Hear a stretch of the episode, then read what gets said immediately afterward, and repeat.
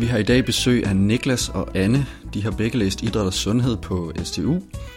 Anne er for nylig begyndt at arbejde som højskolelærer på Vejle Idrætshøjskole. Niklas er tidligere elev på Idrætshøjskolen i Sønderborg. Han har de sidste mange år været involveret i elevforeningen og været underviser på skolens sommerkurser.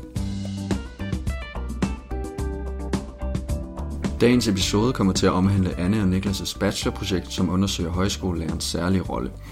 Til det har de været ude at interviewe en håndfuld lærere fra Vejle og Sønderborg Idrætshøjskole. Vi skal i dag snakke om det flydende forhold, der er mellem fritid og arbejde som højskolelærer. Vi kommer ind på den særlige lærer-elev-relation, der er på højskolerne, og hvad den kan bidrage til i forhold til elevernes dannelse, og eventuelt hvordan denne relation kunne bidrage i folkeskolen. Derudover kommer vi også ind på, hvordan idræt bruges i undervisningen på højskolerne.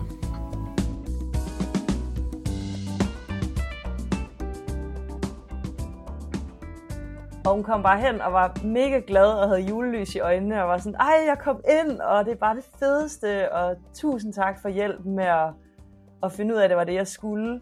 Og jeg synes bare, at det, det er et meget konkret eksempel for mig, som jeg nok aldrig vil glemme, det der med, at, at det var sindssygt fedt at have det samvær, øh, jeg havde med eleverne på skolen, men det var også virkelig meningsfuldt for mig at opleve at blive stoppet på gangen efterfølgende med en, der havde lyst til at opsøge en og snakke om efterfølgende, hvordan det var gået, og have været med til at hjælpe en elev til at finde sin vej i livet på en eller anden måde. Så behøver det jo ikke at være journalistik, men bare det der med, at, at hun var rigtig glad for det, hun lavede nu.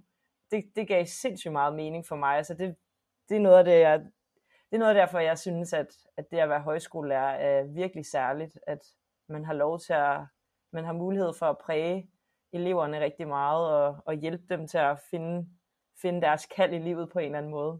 Ja, så der var, det var som om, der var et eller andet specielt bånd der i hvert fald, så mellem elev og højskolelærer der. Hvordan synes I, det adskiller sig for de roller, læreren har i folkeskolen eller gymnasiet så? Jeg tror, at den største forskel er nok det her med, at en højskolelærer ikke skal bedømme eleven på noget. Det her med højskole, det er jo sådan et, det er jo et kulturelt fænomen, vi har i Danmark, som sådan politisk set er det jo underlagt Kulturministeriet, hvor øh, folkeskoler, gymnasier og efterskoler og sådan noget er underlagt Undervisningsministeriet. Og der tror jeg, altså det her med, at der er et helt andet mål for en højskolelærer, som ikke baserer sig på noget med en vurdering eller en karakter eller et eller andet, det gør bare, at, at, at det, det, det skiller sig ud. Altså det er en, en lærer, man lægger mærke til på en anden måde. Øhm, altså de er jo meget mere sammen med eleven øh, på, en person, på et personligt plan. Og det hænger jo også sammen med, at de får jo, altså en højskolelærer får jo løn for at have samvær med eleven, og har også øh, tit bopæls øh, meget, meget tæt på højskolen. Og det tror jeg skiller sig meget ud fra, fra en folkeskole og en gymnasielærer.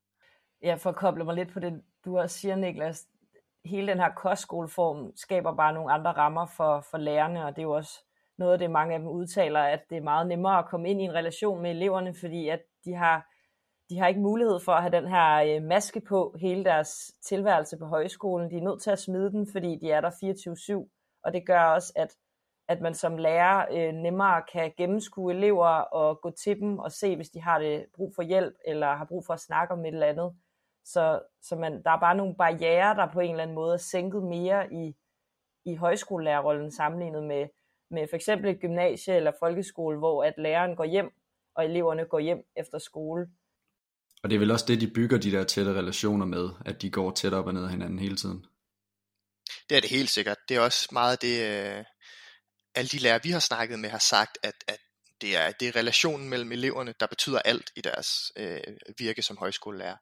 Det, det er derfor, de er der, og det er derfor, de, de gør det, og det er derfor, de også bruger så meget tid på at, at være højskolelærer. Hvordan beskriver de lærere, jeg har interviewet, det her flydende forhold mellem arbejde og fritid? Og hvilken betydning har det for deres undervisning og deres relation til eleverne? Der er lidt en splittelse mellem nogle af de lærere, vi har interviewet. Nu har vi jo vi har undersøgt det i sådan et systemisk perspektiv, hvor at det her med, at et menneske ligesom bliver påvirket af forskellige systemer på forskellige niveauer. Og der hvis man kigger på det her med arbejdet som et system, jamen, så har vi fundet ud af, at det fylder enormt meget. Og det fylder måske også så meget, at man ikke har tid til øh, fritidsinteresser, familie, venner og sådan noget. Og der er nogle lærere, som ligesom synes, at det her med, at, at arbejdet skubber de andre systemer væk, øh, er irriterende og træls, øh, men der er også nogen, der synes, at det netop er det, der gør øh, jobbet til en livsstil.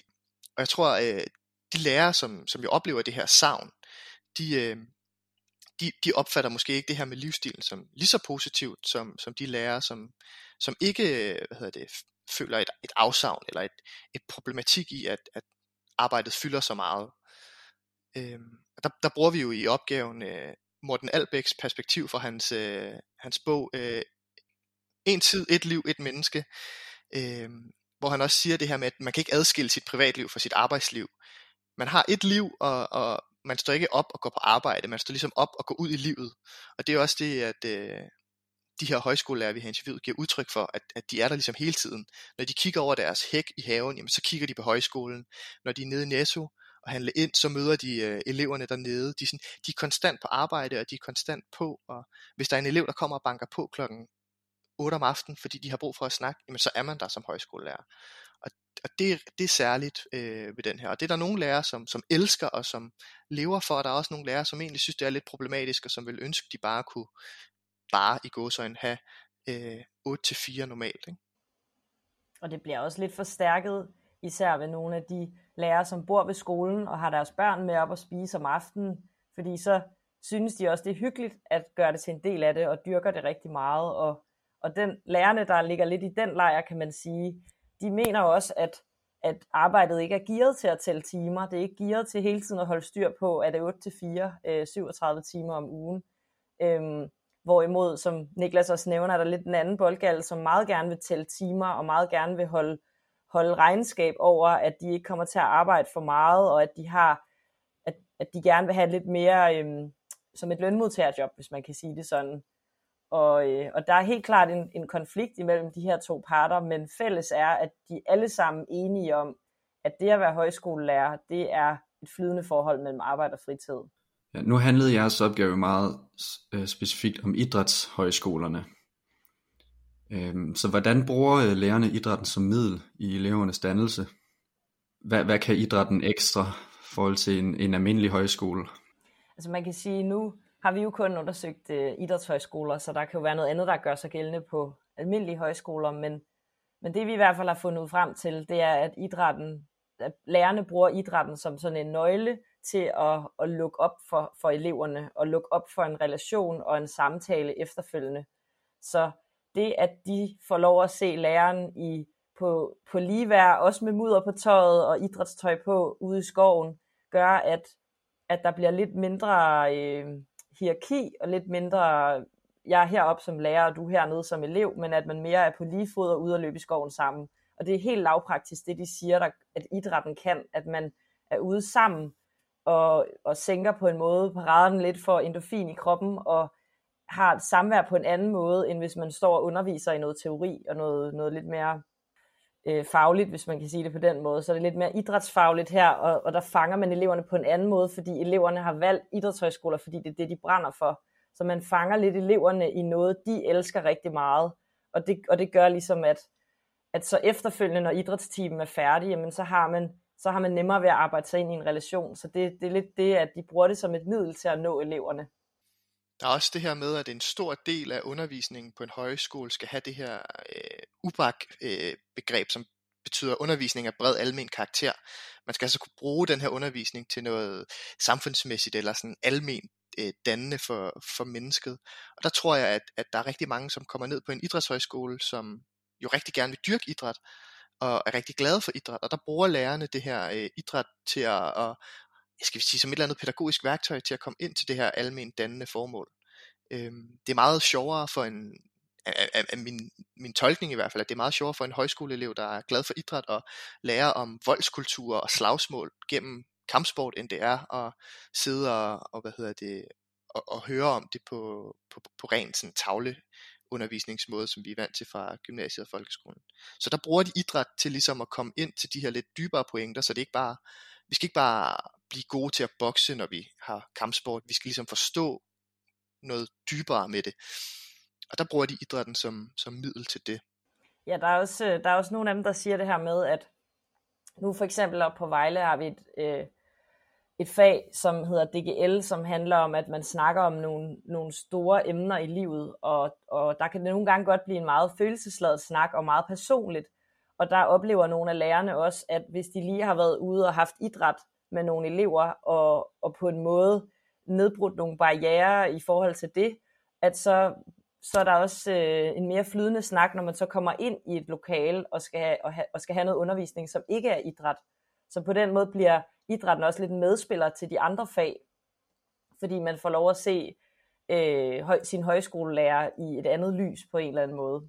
Øh, de her dybere meninger med, med idrætten og det her med at bruge det som værktøj, er det noget, man tænker over som elev, når man starter på højskolen, eller tænker man bare, nu skal jeg ned og have idræt og have det sjovt, øh, og så er det måske noget, man samler op senere?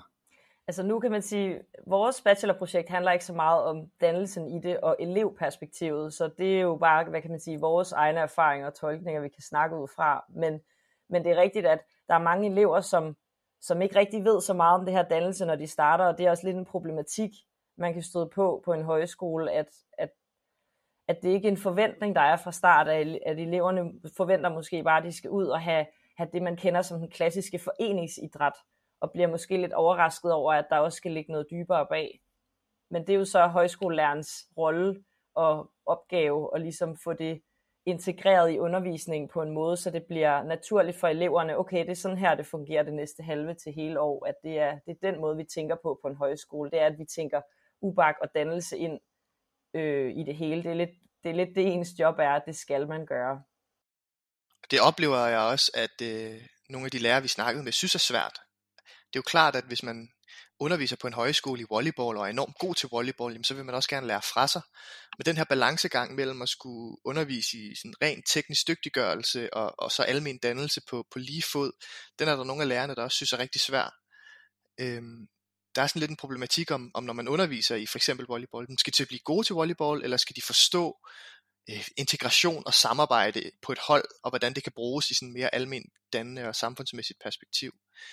Øhm, det kan godt være en udfordring. Og det, øh, det er jo klart, når man, når man er engageret og passioneret for en, for en sportsgren, så, øh, så vil man jo også gerne lære den fra sig. Ja, hvordan tror I, at idræt det kan bidrage til dannelse i folkeskolen, hvis man særligt tænker på, på det med at lære teknisk dygtiggørelse, og så til at lære de her andre værdier, som, som idrætten kan? Altså, jeg, jeg tror i hvert fald, at idrætten spiller, og bevægelse generelt, spiller en, en rigtig stor rolle i, i folkeskolens elever og i, i bidrag til deres dannelse, helt sikkert. Det er jo også, det er jo også rigtig fedt at se, at med, med folkeskolereformen, at der er kommet mere bevægelse ind i undervisningen, fordi det bare er sindssygt vigtigt, og, og jeg tror lige så meget, det er det omkringliggende ved idrætten, som, som gør det rigtig vigtigt for folkeskolelærer at, at integrere i sin undervisning, fordi der netop er meget samarbejde i det og øh, meget med holddannelse, og hvordan fungerer det her, at forstå nogle forskellige systemer, men også bare at vise børn og unge, øh, hvad idræt kan, og hvad glæde, hvordan man kan skabe glæde ved idræt, og blive glad af at være aktiv. Øh, men så er der jo også nogle helt andre ting, som idrætten kan i folkeskolen, at det at man går i bad sammen, og alt det omkringliggende dannelse, der er i at skulle ind og dyrke idræt sammen, og i bad sammen bagefter. Så det, og det er jo en helt anden snak, men, men der er mange ting i det i hvert fald, som gør, at, at ja, jeg i hvert fald personligt tænker, at idræt er et af de vigtigste fag i folkeskolen.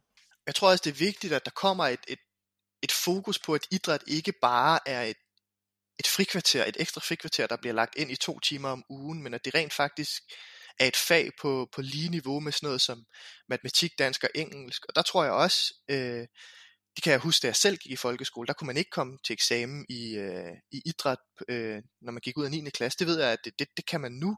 Og jeg tror, at den her, øh, den her opgradering, eller hvad man kan sige, af idræt til et mere normalt fag, på linje med de andre fag, er, er ret vigtig. Også at man får karakterer på samme måde, som man får karakterer i, i de, mm, skal vi sige, mere boglige fag. Øh, tror jeg helt sikkert er, er en vigtig del af det.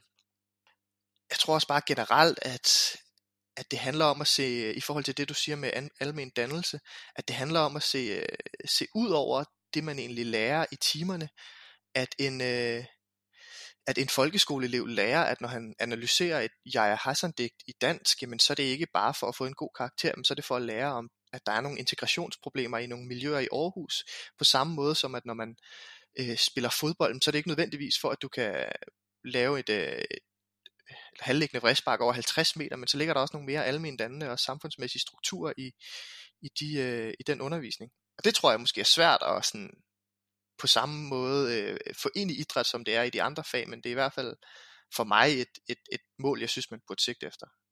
Jeg vil også bare lige tilføje til det, at der ligger også et stort ansvar hos folkeskolelæreren i det, fordi at, at hvis, man, hvis man skal få eleverne til at tænke, at det ikke er et frikvarter, så er det også vigtigt, at der bliver lagt nogle tanker i det didaktiske i det, og dannelsen bag osv., så, videre, så man netop ikke bare går ud og spiller rundbold hver gang, øh, eller gør det, som, som ens øh, som man har set ens egen folkeskolelærer gøre. Det er i hvert fald noget af det første, vi fik at vide på idræt. Der blev vi provokeret med, at 80% af jer, I kommer til at gå ud og gøre det, som I har fået lært, dengang I gik i skole. Og det, det, det provokerede et eller andet i mig, at han var sådan, det er kun 20% af jer, der går ud og gør noget andet, end at spille rundbold, eller et eller andet andet. Og det er sådan, det er en rigtig god pointe i, at, altså, at hvis, hvis vi vil have folk til at tage idræt mere seriøst, ligegyldigt hvilken uddannelsesinstitution er, så må det også starte ved, ved den undervisning, man, man skaber, og, og skabe noget mere øh, respekt og seriøsitet omkring det. Okay, så hvordan kommer den personlige lærerrolle til udtryk på idrætshøjskolerne? Den kommer til udtryk ved, at, at lærerne ligesom har den her relation til eleverne som, som værende det, det helt særlige ved deres job. Øh, den personlige lærerrolle bygger jo på tre ben, som er faglig fordybelse, pædagogik og personlighed. Og øh, hvis man ser det lidt som sådan en, en taburet, så, så kan det jo se som, at hvis det ene ben ikke er der, jamen, så vælter taburetten og er ustabil. Og det er altså, i, i den forstand er det lige så vigtigt, at man som lærer er personlig, som det er, at man er, er fagligt dygtig og kan skabe en faglig fordybelse for eleven. Øh, og det tror jeg i høj øh, grad kommer til udtryk på, øh, på en højskole øh, kvæg den her relation, som ja, både lærer og elever ser som, som ekstremt vigtig. Hvad tillader den lærerrolle så? jeg tror, den tillader, at, at netop det her, vi snakkede om før, med den tekniske del versus den almene del i, i idræt, at, at den ikke tager overhånd. At der ligesom er plads til de her personlige øh, refleksioner, de personlige samtaler øh, i undervisningen, at det bliver sidestillet og gjort lige så vigtigt som øh, den tekniske del øh, på en, øh, i, i, i en undervisning på en, på en højskole. Og det står jo også sort på hvidt i en højskolelærers kontrakt, at, at samværet med eleven betyder lige så meget som, som undervisningen i sig selv.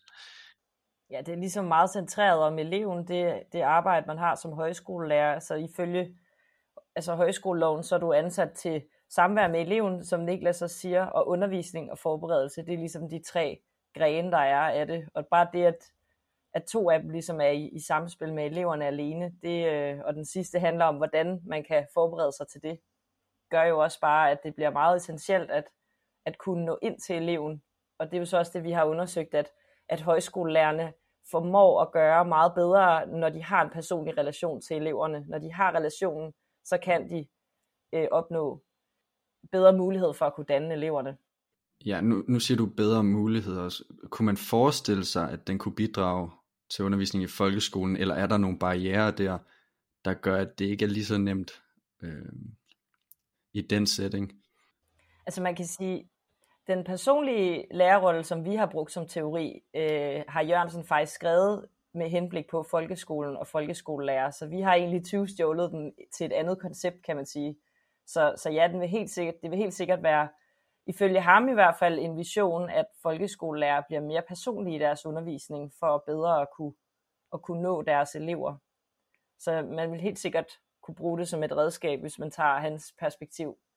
Så her til sidst vil jeg gerne høre, hvilke erfaringer og refleksioner har I gjort jer, efter I har afsluttet jeres opgave og været op til bachelorforsvaret? Jeg tror i hvert fald, at noget af det, der er gået op for, for os, og det er det her med, at det at være højskolelærer det rækker mere, det rækker mere ud i, at man på en måde er, agerer som et menneske og har forskellige kasketter på, alt efter hvad for nogle elever man snakker med, som en af lærerne har udtalt til os, at den ene dag er hun en mor, og den næste dag er hun en veninde, og den tredje dag er hun en lærer, og så videre, og den næste dag en søster. Så det her med, at man har rigtig mange forskellige kasketter, man skal tage på, alt efter hvad der passer til eleven, og og sådan noget, det, det synes jeg også er noget af det, der er rigtig interessant, som vi også har fundet ud af, at, at det virkelig er en omfattende lærerrolle på mange måder, som går meget ud over bare det at skulle undervise. Og det er helt sikkert også noget af det, der gør, at jeg i hvert fald synes, det har været sindssygt spændende at dykke ned i, fordi at, at det går op for en, hvor meget menneskeligt der er i det, og dannelsen i det, og det at møde en person, en elev, øh, sådan face to face, og, og skabe noget, noget magisk imellem mennesker på en eller anden måde. Så det, det har i hvert fald helt sikkert tændt mig endnu mere til at, at skulle ud og være højskolelærer nu, og undersøge de her aspekter af det at være højskolelærer. Jeg har forstået i det. Jeg synes også, at, at noget af det, der har været rigtig interessant at opleve, det er den her idé og tanke, som højskolen har med at, at gøre undervisning almindeligt dannende og samfundsrelevant så meget, som de gør i forhold til andre uddannelsessteder, synes jeg er enormt interessant. Jeg synes, der er en, en, en rigtig god tankegang i det her med, at man forsøger at gøre eleven til en karakter, i stedet for at eleven skal få en god karakter. Øh, det synes jeg er noget, man, man burde inddrage i flere lærerroller, og måske gøre mere øh, fundamentalt for det at undervise, dels i idræt, men også i, i rigtig mange andre ting. Nu har vi jo fundet ud af, at bevægelse og idræt er et rigtig godt middel til at, at, at, at nå de her punkter. Øhm, vi lever jo i en tid nu, hvor flere og flere børn har rigtig mange udfordringer, diagnoser og psykiske problemer og sådan noget. Og der tror jeg bare, at det her med karakterer, nationale test, og man bliver målt på det ene og det andet, det, det tror jeg ikke er en, det, den står selvfølgelig for helt egen regning, den her holdning, men jeg tror bare ikke, at det er en, det er en holdbar måde at, at, at drive undervisning på. Jeg tror, det, jeg tror på, min filosofi er det her med, at, at hvis man kan se det i et mere samfundsmæssigt og, og almindeligt perspektiv, jamen så får du også mere motiverede øh, elever, og du får meget mere øh, pondus i din, i din undervisning. Så det synes jeg har været fedt at se, at det er den kultur, der ligesom er i undervisning på en højskole. Og det har, det har inspireret mig enormt meget i, mit, øh, i mine tanker om, hvordan jeg skal være som, som idrætsunderviser.